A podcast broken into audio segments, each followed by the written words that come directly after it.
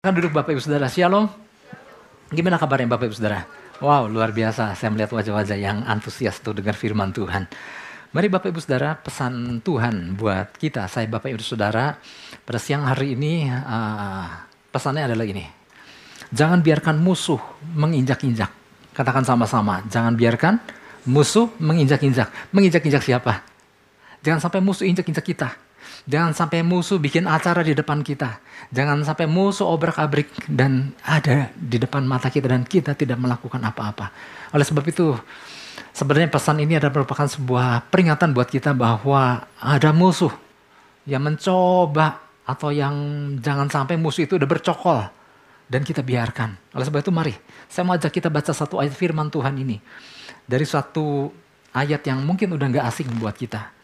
2 Tawarik 20 ayat 12. Sudah terpampang di depan, saya ajak kita Bapak Ibu Saudara baca sama-sama. 1, 2, 3. Ya Allah kami, tidakkah engkau akan menghukum mereka? Karena kami tidak mempunyai kekuatan untuk menghadapi laskar yang besar ini yang datang menyerang kami. Kami tidak tahu apa yang harus kami lakukan, tetapi mata kami tertuju kepadamu. Bapak Ibu Saudara, kira-kira ingat siapa yang, ber, siapa yang berkata ini? Siapa yang berdoa seperti ini? Seorang raja namanya Raja Yosafat. Ya. Sedikit latar belakang, inilah seruan doa yang dinaikkan oleh Raja Yosafat, Raja Yehuda kepada Tuhan. Ketika dia mendengar bahwa ada bangsa Amon, bangsa Moab, dan orang-orang Meunim, mereka bersatu, bersekutu, membentuk sebuah laskar yang besar. Kemudian hendak menyerang kerajaan Yehuda di mana Yosafat adalah rajanya. Mereka bergabung, mereka bersekutu, ya dan dikatakan posisi musuh sudah begitu dekat. Ya, nanti uh, di bagian dalam saya jelaskan begitu dekat bahkan sudah masuk wilayah Yehuda. Ya. Ada rasa khawatir timbul di dalam hati Raja Yosafat karena dia menyadari bahwa gabungan kekuatan musuh ini lebih besar daripada kekuatan pasukan kerajaannya. Sehingga dia berkata, di situ dikatakan, karena kami tidak mempunyai kekuatan untuk menghadapi laskar yang besar ini. Josafat mengakui bahwa ada laskar yang besar dan dia tidak punya kekuatan untuk itu. Oleh sebab itu dia berseru sama Tuhan. Ya, Josafat menyadari bahwa kekuatan musuh itu nggak main-main. Nah Bapak Ibu Saudara sedikit latar belakang bahwa sebetulnya kerajaan Yehuda adalah kerajaan besar. Jadi Israel pada waktu pada masa itu Israel itu terbelah dua. Israel utara disebut dengan Israel dan Israel Selatan yang disebut dengan Yehuda. Nah, Josafat adalah raja Yehuda, ya, raja Israel yang utara ada lagi. Nah, Bapak Ibu Saudara, angkatan perang daripada kerajaan Yehuda itu sebetulnya sudah kuat. Bahkan semakin hari dikatakan bahwa kekuatan angkatan bersenjatanya kerajaan Yehuda yang dipimpin oleh Raja Yosafat ini semakin hari semakin kuat. Jadi kalau musuh mau menyerang Yehuda, mereka kan pikir dua kali. Mereka nggak akan main-main dengan kekuatan pasukan bersenjatanya Yehuda. Oleh sebab itu, ketika mereka hendak menyerang Yehuda, mereka bergabung. Bangsa Amon, bangsa Moab, sama pasukan orang Meuni, mereka bergabung sehingga membentuk sebuah armada yang besar. Oleh itulah sebabnya mereka baru berani menyerang Yehuda. Ya. Dan rasa takut timbul di hati Josafat karena dia menyadari, wow ini sebuah kekuatan yang besar. Oleh sebab itu dia berseru kepada Tuhan. Nah, yang luar biasa waktu Josafat bersama bangsa Yehuda, bersama istri, anak-anak semua orang Yehuda berseru kepada Tuhan. Tuhan menjawab seruan doa mereka. Tuhan bergerak di tengah-tengah umatnya. Maka Tuhan menyampaikan perkataannya kepada salah satu orang Lewi. Salah satu daripada uh, Bani Yosafat. Di situ di, Tuhan katakan bahwa naikkan puji-pujian. Jadi Tuhan memberikan strategi kepada Josafat ini agar yang datang meng, menghampiri pasukan musuh itu bukan seorang pembawa, bukan pasukan pembawa senjata, bukan pasukan berkuda, berguda, bukan orang-orang yang memegang tombak, tetapi di depan adalah orang-orang yang menaikkan puji-pujian kepada Tuhan. Dan ketika itu dilakukan, apa yang terjadi? Tuhan melakukan penghadangan kepada musuh dan musuh dibuat kacau dan saling bertempur seorang lawan yang lain akhirnya musuh kalah sendiri Dan di situ Tuhan memberikan kemenangan kepada Josafat. Wow, ini sesuatu yang luar biasa ya. Artinya musuh berhasil dikalahkan ketika Josafat bergantung kepada Tuhan. Nah, Bapak Ibu Saudara, itulah sekelumit tentang apa yang terjadi. Ada sekelompok bangsa-bangsa bersatu hati menyerang Joshua. Nah, peristiwa serupa itu bisa terjadi pada kehidupan kita sebagai orang percaya di masa sekarang bahwa musuhnya tetap masih ada. Ya, musuhnya mungkin udah nggak berbentuk bangsa-bangsa bergabung melawan kita, tetapi ini berbicara soal kerajaan kegelapan. Mereka bisa bergabung bersatu hati, ya. Mereka bisa merencanakan sesuatu yang jahat terhadap hidup orang-orang percaya. Nah, artinya apabila musuh dan kita tahu kalau musuh bergerak dan mau mencoba masuk dalam kehidupan orang percaya tentunya nggak akan membawa keuntungan. Mereka membawa sesuatu yang merugikan, sesuatu yang melemahkan, sesuatu yang mengacaukan, sesuatu yang menyesatkan. Pokoknya segala yang buruk ya kalau musuh ber, mencoba memasuki kehidupan orang percaya mereka akan mengobrak-abrik melakukan sesuatu yang buruk tentunya. Nah, jangan kita baru menyadari setelah musuh sudah masuk wilayah di mana kita tinggal atau berada. Artinya kan kecolongan. Saya tadi pagi sempat dalam ibadah pertama sempat cerita bahwa dulu waktu saya SMA, kan saya tinggal di dalam sebuah rumah. Rumahnya uh, nggak bersama orang tua, saya tinggal sendirian. Tapi rumahnya belakang-belakangan nyambung gitu. Tetapi saya menempati rumah bagian belakang, tetapi keluar masuk tetap dari rumah orang tua sana, sehingga rumah yang saya tinggali itu seolah-olah rumah sepi, rumah kosong, nggak ada yang tinggali. Nah suatu kali, suatu pagi ketika saya bangun, saya mendengar, atau gini, saya bangun karena saya mendengar suara. Ternyata ada orang masuk. Jadi batas antara dia dengan saya hanya dibatasi pintu. Saya dengar, wah ada orang di sini. Nah apa yang saya lakukan? Ya saya saya mencoba menghubungi orang tua saya. Dan kemudian uh, ya orang tua saya berpesan, udah nggak usah di nggak usah dihadapi. Ya ya takut juga, nggak usah dihadapi. Tetapi ya usir aja dengan membuat bunyi-bunyian gitu ya sehingga dia sadar bahwa ada orang di dalamnya dan mereka pergi. Nah, Bapak Ibu Saudara, yang saya mau sampaikan adalah bukan soal pencuri masuk rumahnya, tetapi jangan sampai keadaan kita hari ini sebagai orang percaya jangan sampai ada musuh kok bisa masuk gitu dalam kehidupan orang percaya. Jangan sampai kita kecolongan. Ya, atau gini, yang lebih parah lagi, jangan sampai ketika musuh masuk dan beroperasi, Orang percaya masih belum menyadari bahwa ada musuh lagi obrak-abrik kehidupannya. Nah ini yang parah. Oleh sebab itu mari Bapak, ini Bapak Ibu ini jadi pesan Tuhan buat kita semua. Pesan Tuhan adalah gini, Tuhan sedang memerintahkan kita, memperingatkan kita agar jangan menjadi orang percaya yang tidak melakukan apa-apa pada saat si musuh mencoba untuk masuk ke dalam sektor-sektor hidup kita. Atau gini, bahkan sama jangan sampai orang percaya kita sebagai orang percaya jangan sampai kita nggak menyadari ketika musuh sudah ada di dalam dan obrak-abrik sektor-sektor kehidupan kita. Artinya gini, kehidupan kita kan bukan cuma satu macam aja, ada berbagai sektor kan.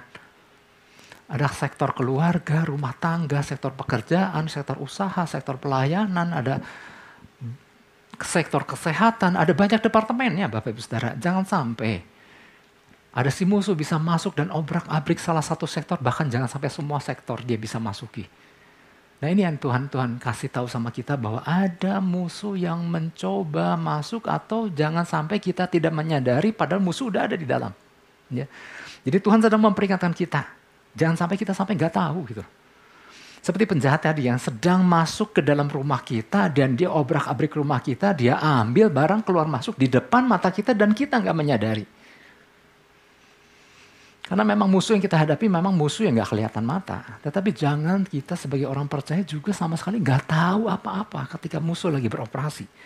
Satu hal yang perlu kita sadari, musuh tidak pernah menyayangkan kita loh. Kita sebagai manusia ada tega-teganya, udahlah janganlah, udahlah janganlah kasihan gitu ya. Nah musuh itu gak ada tega-teganya sama kita. Firman Tuhan katakan pencuri datang untuk mencuri, membunuh dan membinasakan. Kalau dia bisa curi, dia curi segala macam. Kalau dia bisa bunuh, dia bunuh segala macam kehidupan kita. Kalau dia binasakan, dia binasakan semuanya. Dia nggak pernah menyayangkan kita. Nah, pesan ini Tuhan berikan untuk menekankan bahwa jangan sampai musuh masuk dan injak-injak hidup kita dan kita orang percaya diam aja bahkan jangan sampai orang percaya nggak menyadari, ya. Tuhan ingin kita bertindak sebagai Raja Yosafat yang mengantisipasi, yang mengandalkan Tuhan, yang berseru kepada Tuhan. Sehingga musuh dibuat diobrak-abrik, dibuat lari kocar-kacir, ya. Dibutuhkan kejelian memang dari pihak kita sebagai orang percaya. Yang ngerti sampai sini katakan amin. Dibutuhkan apa? Kejelian. Oleh sebab itu beberapa hal yang perlu kita miliki dan pahami berkaitan dengan pesan Tuhan tentang adanya musuh yang mencoba menerobos masuk ke dalam kehidupan orang percaya. Yang pertama adalah gini, miliki ketajaman sehingga dapat mengantisipasi siapa dan apa yang akan dilakukan si musuh. Jadi kita, Tuhan mau yuk bangun ketajaman. Artinya gini, semakin kita bangun hubungan sama Tuhan, semakin kita isi dengan kebenaran firman Tuhan, harusnya ada ketajaman yang terbangun hari lepas hari, seharusnya. Oke, saya ajak kita buka 2 Tawarik 20 ayat 2. Demikian firman Tuhan. Datanglah orang memberitahukan Yosafat, suatu laskar yang besar datang dari seberang laut asin, dari Edom, menyerang tuanku. Sekarang mereka di Haseson Tamar, yakni Engedi. Nah Bapak Ibu Saudara, ini ada orang datang. Nah ini orang ini adalah pengintainya Josafat. Ya, orang yang melaporkan kepada Josafat karena nggak sembarangan orang datang sama raja. Tuanku ada sesuatu. Jadi ini orang boleh dibilang pengintai, ya pengintai yang mungkin ditempatkan oleh Josafat di titik-titik tertentu. Kalau kalau sekarang mah mungkin dia binnya badan intelijensinya ya. Nah orang ini di tengah di masa itu ya ribuan tahun yang lalu di mana teknologi sangat sederhana ya tak sederhana. Tapi orang ini dapat mendeteksi dengan begitu baik. Dia dia bisa melaporkan kepada raja Yosafat seberapa besar kekuatan musuh. Dia bilang suatu laskar yang besar datang. Artinya pengintai ini bisa kasih informasi bahwa ada laskar yang besar datang. Dan dia bisa kasih informasi datang dari arah mana datang dari seberang laut asin. Laut asin itu laut mati. Ya. Dari Edom menyerang Tuanku. Dan orang ini memberikan laporan bahwa rombongan musuh itu sudah ada di titik mana. Dia berkata, sekarang mereka di Haseson Tamar, yakni Engedi. Nah, artinya gini, Haseson Tamar atau Engedi adalah wilayah Yehuda. Artinya musuh sudah masuk wilayah Yehuda kalau kita tahu uh, eh, Engedi adalah peristiwa di mana Daud pernah dikejar-kejar sama Saul. Bayangkan, bayangin dari dari Yerusalem dikejar-kejar sampai akhirnya tibalah Daud di Engedi, masuk ke dalam gua. Nah, mungkin Bapak Ibu Saudara pernah ingat peristiwa Daud bersembunyi di gua. Jadi bisa dibayangkan lari berapa jauh itu Daud dikejar-kejar Saul. Dan waktu Daud bersembunyi di dalam gua, Saul pun ikut yang sedang mengejar, ikut masuk ke dalam gua itu, tapi dia nggak tahu kalau Daud ada di sana. Apa yang dilakukan uh, Saul? Dia buang hajat di dalam gua itu. Eh, eh gitu maksudnya. Dia buang hajat di situ. Kemudian Daud yang bersembunyi, dia ambil pisau dan dia potong jubah-jubahnya Daud. Eh, kok terbalik? Daud memotong jubah-jubahnya Saul. Nah, peristiwa itu terjadi di NGD, dekat Laut Mati. Artinya ada di wilayah Yehuda. Di sini dikatakan bahwa betapa rombongan musuh itu sudah mulai masuk wilayah Yehuda. Nah, jadi berdasarkan info yang didapat dari seorang pengintai yang dimiliki oleh Raja Yosafat di mana jauh sebelum musuh bisa lebih dekat lagi, gerak-gerak gerak-gerik mereka sudah tercium. Itulah sebabnya Raja Yosafat sudah meng, uh, dapat segera mengantisipasinya dengan yuk kumpulkan rakyat Yehuda dan kita berseru sama Tuhan karena dia menyadari ini kekuatan yang luar biasa. Nah Bapak Ibu Saudara yang saya mau sampaikan adalah gini. Gambaran peristiwa datangnya laporan dari seorang pengintai yang bisa memberikan sebuah laporan yang, yang cukup detail ini seharusnya juga dimiliki oleh orang-orang percaya. Katakan amin. Jadi harusnya orang percaya sudah bisa mendeteksi bahwa lewat apa yang dia amati, wow ini rasanya sesuatu hal yang ditunggangi si musuh yang atau gerak gerik musuh yang akan mencoba merang, mengganggu atau yang mencoba mengobrak abrik kehidupannya. Nah itu musuh sudah dideteksi.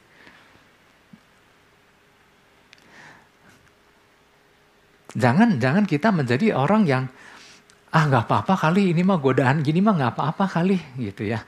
Ah, goda lagi dong, goda lagi gitu ya. Lama-lama kan terjerumus. Nah berapa banyak orang, nah, di Amsal dikatakan apabila ada roh penggoda datang, kita harus bisa melepaskan seperti burung melepaskan dirinya dari jerat. Nah, tapi jangan sampai kita tertangkap dulu kemudian melepaskan diri, tetapi kita harus bisa mendeteksi, wow ini rasanya gerak-gerik ini adalah mencoba menjerat. Itulah sebabnya kita dibutuhkan kejelian, dibutuhkan ketajaman ya yang dimiliki oleh orang-orang percaya, oleh saya Bapak Ibu dan Saudara.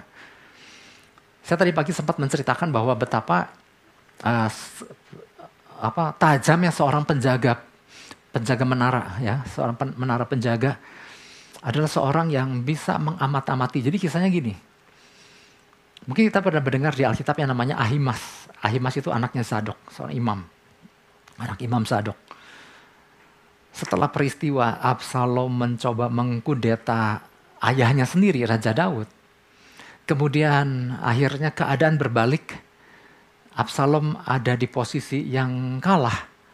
Singkat cerita, waktu dia naik keledai, kepalanya nyangkut di dahan pohon sehingga keledainya lari, dia tergantung di pohon. Nah kesempatan itulah digunakan sama Yoab, panglimanya Daud dan tombak itu Absalom dan matilah Absalom itu. Padahal Daud udah pesan tolong jaga anakku jangan sampai dia mati gitu. Tetapi keadaan yang memang sulit untuk digambarkan inilah kesempatan untuk dia menghentikan karena Absalom sangat serius ingin menghancurkan ayahnya dan kerajaannya. Nah, berita matinya Absalom ini kan perlu dilaporkan kepada Daud yang lagi nunggu di sebuah tempat, di sebuah benteng. Yoab menyuruh e, orang seorang Ethiopia untuk berlari memberikan laporan. Ya, orang Ethiopia adalah seorang kurir yang memberikan pesan bahwa Absalom udah mati. Ya. Kemudian Ahimas di situ berkata, Tuanku Yoab, biarkan aku juga ikut berlari untuk memberikan kabar kepada tuanku Daud. Akhirnya ya udah Yoab bilang ya udah silahkan. Akhirnya dua orang yang berlari. Nah di tempat di mana Daud berada kan ada pengintai. Pengintai melihat laporan tuanku ada orang yang berlari. Dari cara berlarinya, orang ini membawa kabar baik. Bapak Ibu Saudara, saya yang saya mau tekankan adalah ketajaman pengintai itu. Lihat orang berlari dari jauh dan dia melihat orang ini membawa kabar baik. Dan lalu dia melaporkan lagi kepada Daud, ada satu orang lagi yang berlari. Dari cara berlarinya orang ini pastinya Ahimas. Wow, ini luar biasa sekali. Dari cara berlarinya, orang ini dapat mengenali siapa yang berlari dari jauh itu. Itu pasti Ahimas dari cara berlarinya. Dan kemudian betul lah, itu Ahimas. Nah yang saya mau sampaikan adalah gini. Perlunya ketajaman buat setiap kita anak-anak Tuhan. Yang bisa melihat jauh ke depan jadi gini, jangan menjadi orang-orang percaya yang ya gampang dikerjain, gampang jatuh, gampang terjerumus gitu ya.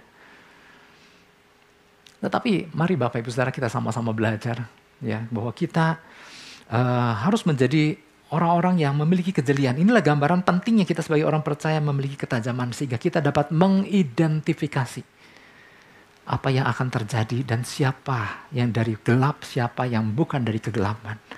Jangan sampai kita menjadi orang yang misidentify, yang salah mengidentifikasi.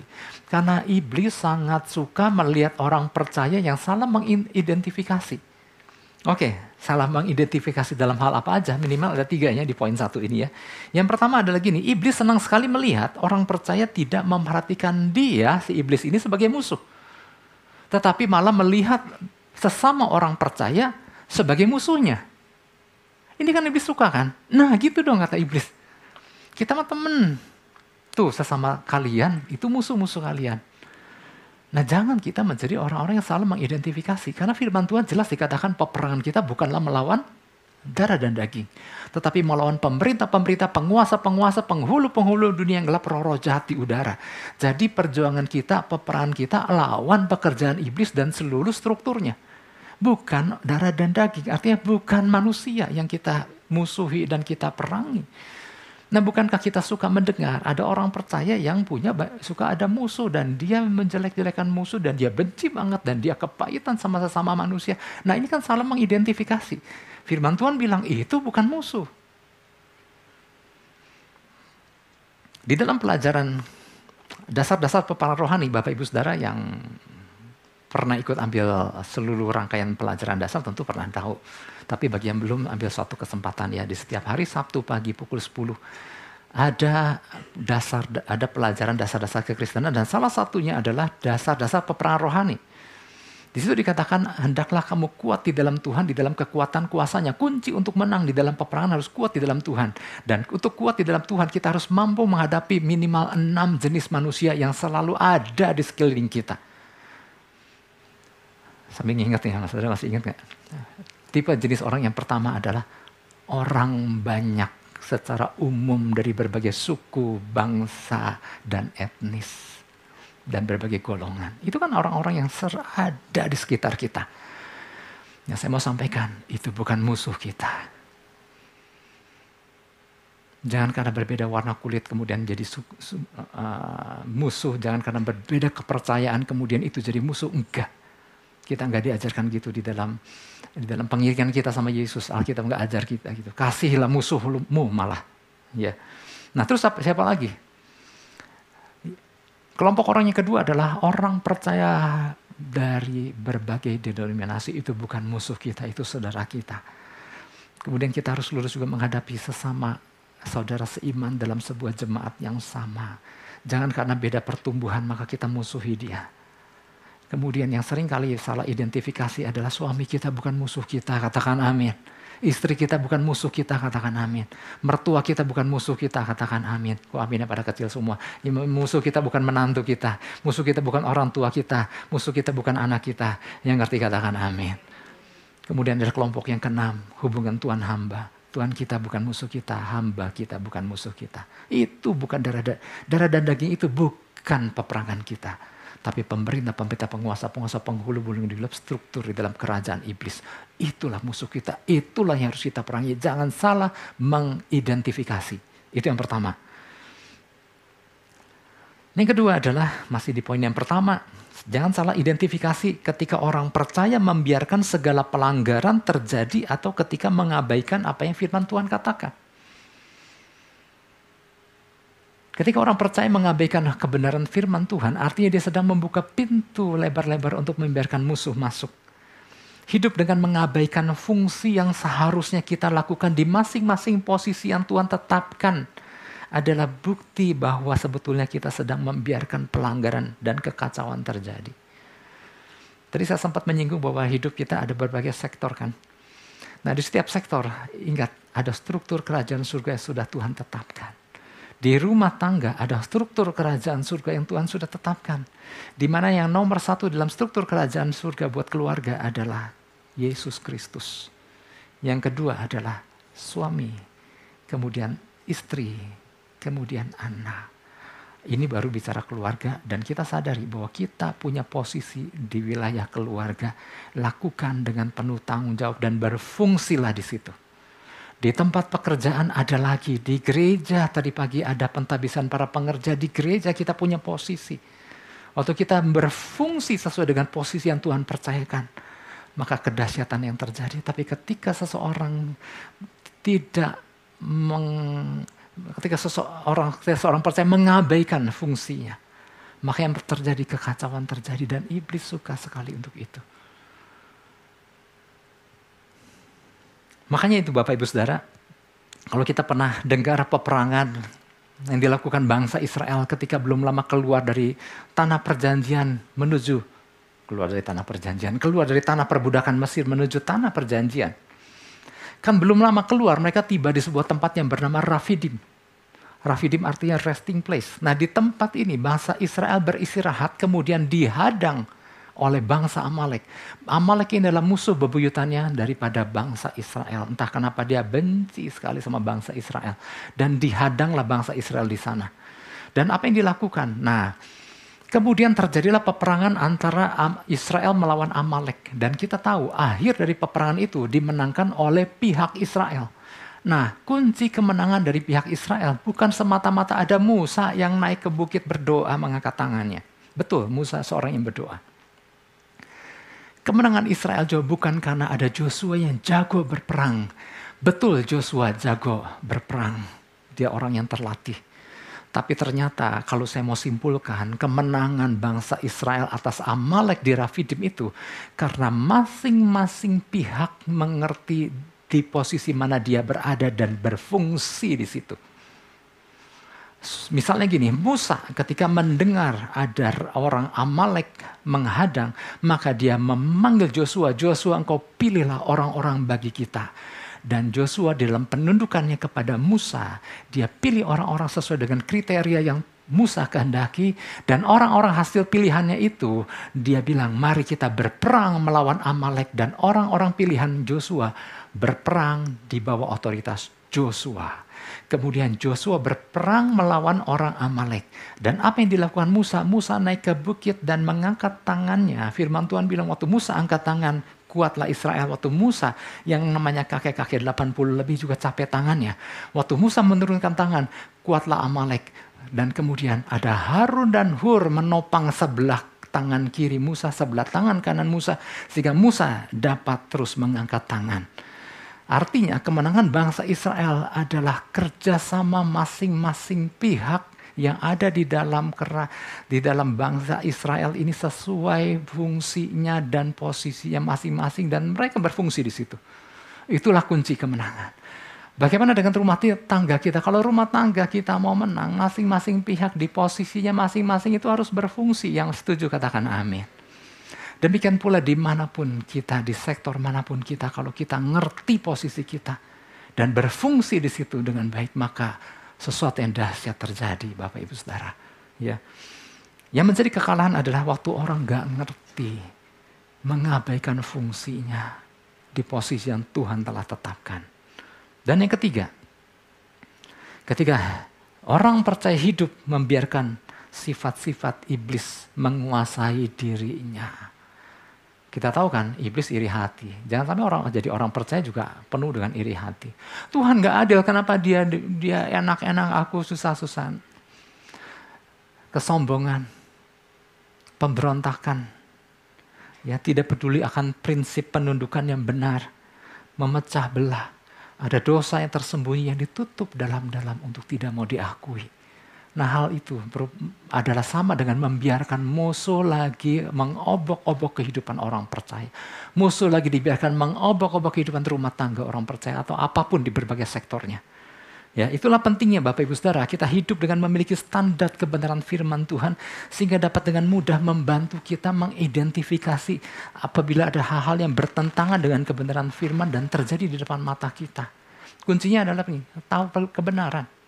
Karena gini, waktu orang percaya nggak tahu kebenaran, ketika ada seorang yang menggoda, ada orang yang melakukan ini, kita anggap itu lagi lagi lucu gitu ya. Enggak, waktu kita punya ketajaman, waktu kita tahu kebenaran, waktu kita mudah mengidentifikasi akan adanya kuasa, kegelapan yang mencoba menyerang. Itulah sebabnya mari Bapak Ibu Saudara, kita harus bangun diri kita sedemikian rupa ya. Gagalnya orang percaya berdiri di atas kebenaran akan membuka banyak celah di mana si musuh dapat keluar masuk seenaknya. Itu yang pertama. Jadi yang pertama adalah gini.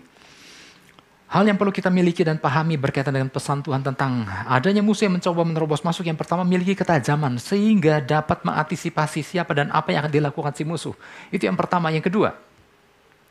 Yang kedua milikilah mentalitas bahwa kita bisa mengatasinya bersama dengan Tuhan. Katakan amin.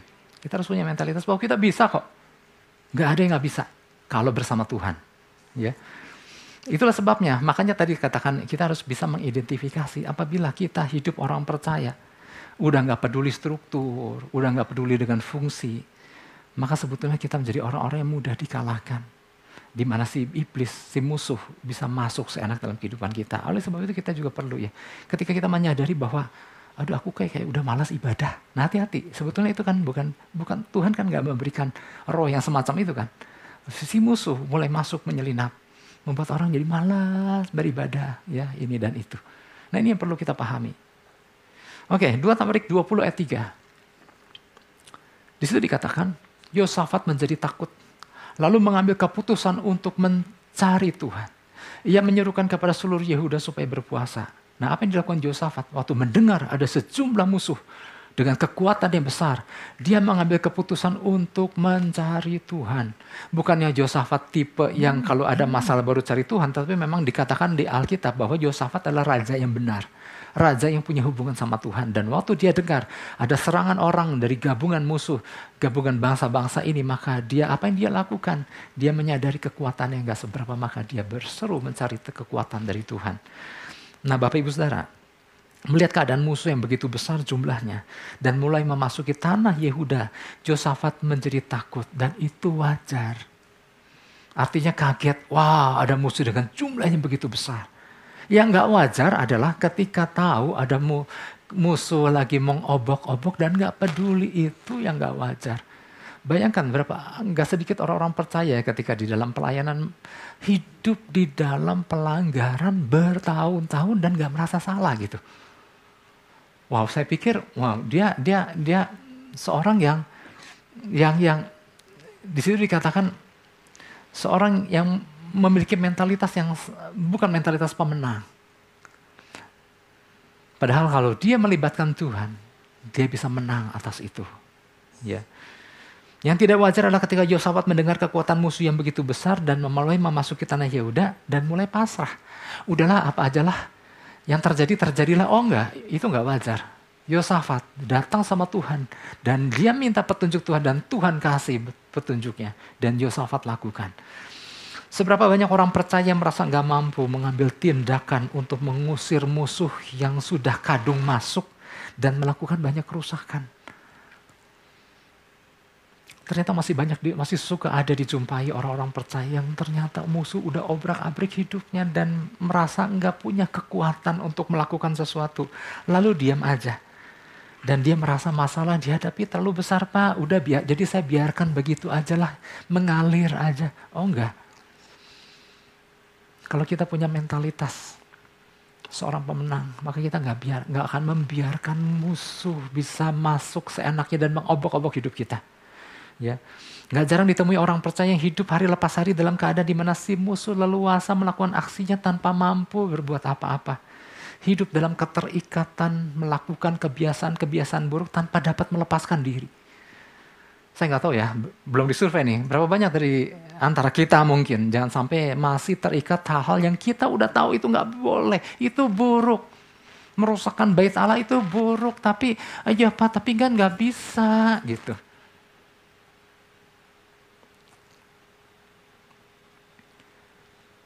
Dulu saya pernah terikat dengan rokok. Oh iya Pak Isa ngerokok. Kapan saya lepas? Waktu saya belum ikut Yesus. Waktu saya naksir Ibu Ribka.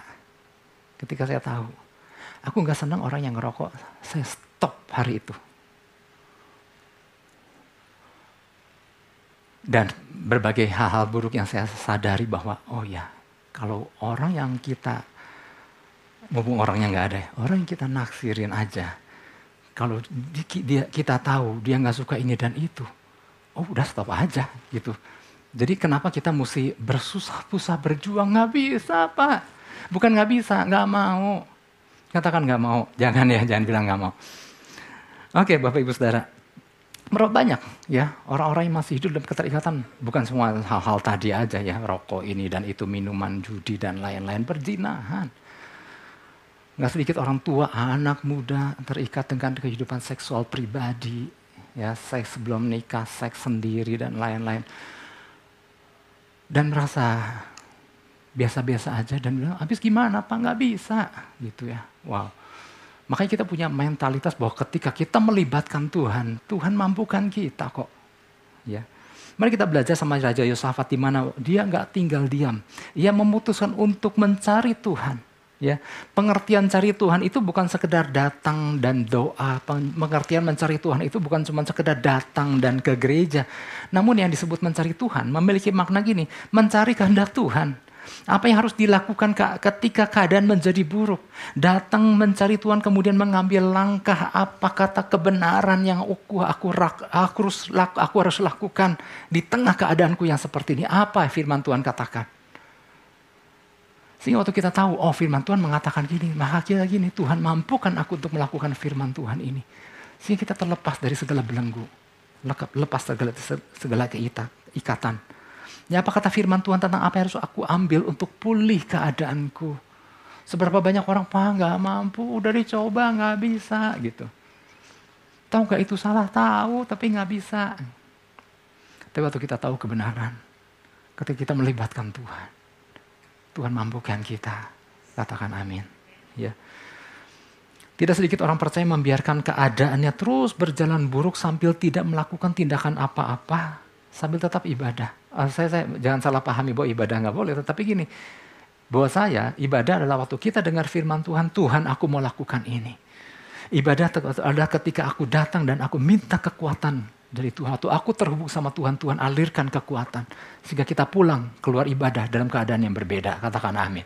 Kita beri tepuk tangan dulu buat Tuhan Yesus. Jadi ternyata ibadah adalah mencari Tuhan adalah bukan cuma sekedar oh, udah apa udah doa tapi nggak bisa gitu. Tapi waktu kita minta kekuatan dari Tuhan, waktu kita tahu cari tahu kebenaran, apa kata kebenaran untuk kasusku ini, ya. Makanya Bapak Ibu Saudara kalau kita pernah dengar nama Rasul Paulus, ialah contoh orang yang dipercayakan Tuhan untuk memberitakan Injil Kerajaan Surga, tapi yang namanya hadangan musuh bertubi-tubi yang namanya disiksa, dirajam, dilempar batu sampai dianggap sudah mati.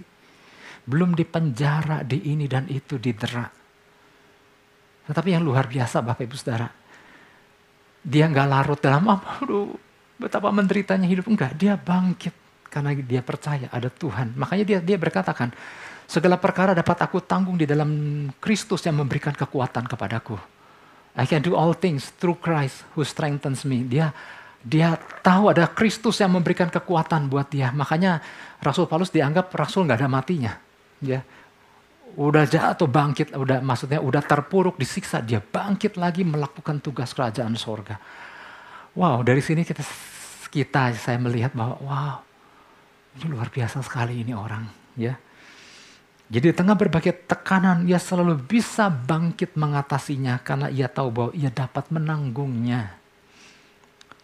Tadi pagi saya sempat cerita bahwa ada seorang ahli kasih tahu bahwa ada satu ikan. Namanya ikannya tadi pagi saya bilang apa ya? Mariana. Nama ikannya Mariana, snail fish. Dia bisa hidup di kedalaman 5 mil di bawah laut. 5 mil ini bukan main-main. Satu mil aja 1,6 kilometer. Sedangkan orang nyelam aja, diving aja, paling belasan itu udah tekanan udah begitu berat. Dan naiknya juga mesti pelan-pelan karena tekanan begitu kuat. Nah dia 5 mil. Ikan mana pun gak ada yang bisa hidup di dalam kedalaman 5 mil itu. Karena gini, tekanan di 5 mil itu seribu kali lebih besar daripada tekanan ikan hidup pada umumnya. Itulah sebabnya makanya gini, untuk ikan jenis Mariana ini, Tuhan kasih tulang yang fleksibel karena tekanan begitu keras. Ternyata setelah para ahli menyelidikinya, oh tulangnya sangat fleksibel sekali. Ya ikan juga sebenarnya kan fleksibel, tapi ikan ini mungkin ekstra fleksibel. Pencernaannya dibuat ekstra khusus cara dia menyerap makanannya, cara dia memproduksi proteinnya, semua dibuat secara khusus karena ikan ini didesain untuk hidup di bawah tekanan berat. Tekanan yang besar. Dan ternyata apa yang saya mau sampaikan adalah ternyata kita manusia, anak-anak Tuhan, orang percaya diciptakan Tuhan dipilih untuk bisa hidup di tengah tekanan yang besar. Katakan amin. Artinya ditekan, di, di, di, di, hidup di bawah tekanan yang besar pun dapat bangkit untuk melakukan pekerjaan-pekerjaan yang luar biasa bersama Tuhan. Rasul Paulus adalah contoh di bawah tekanan yang begitu besar.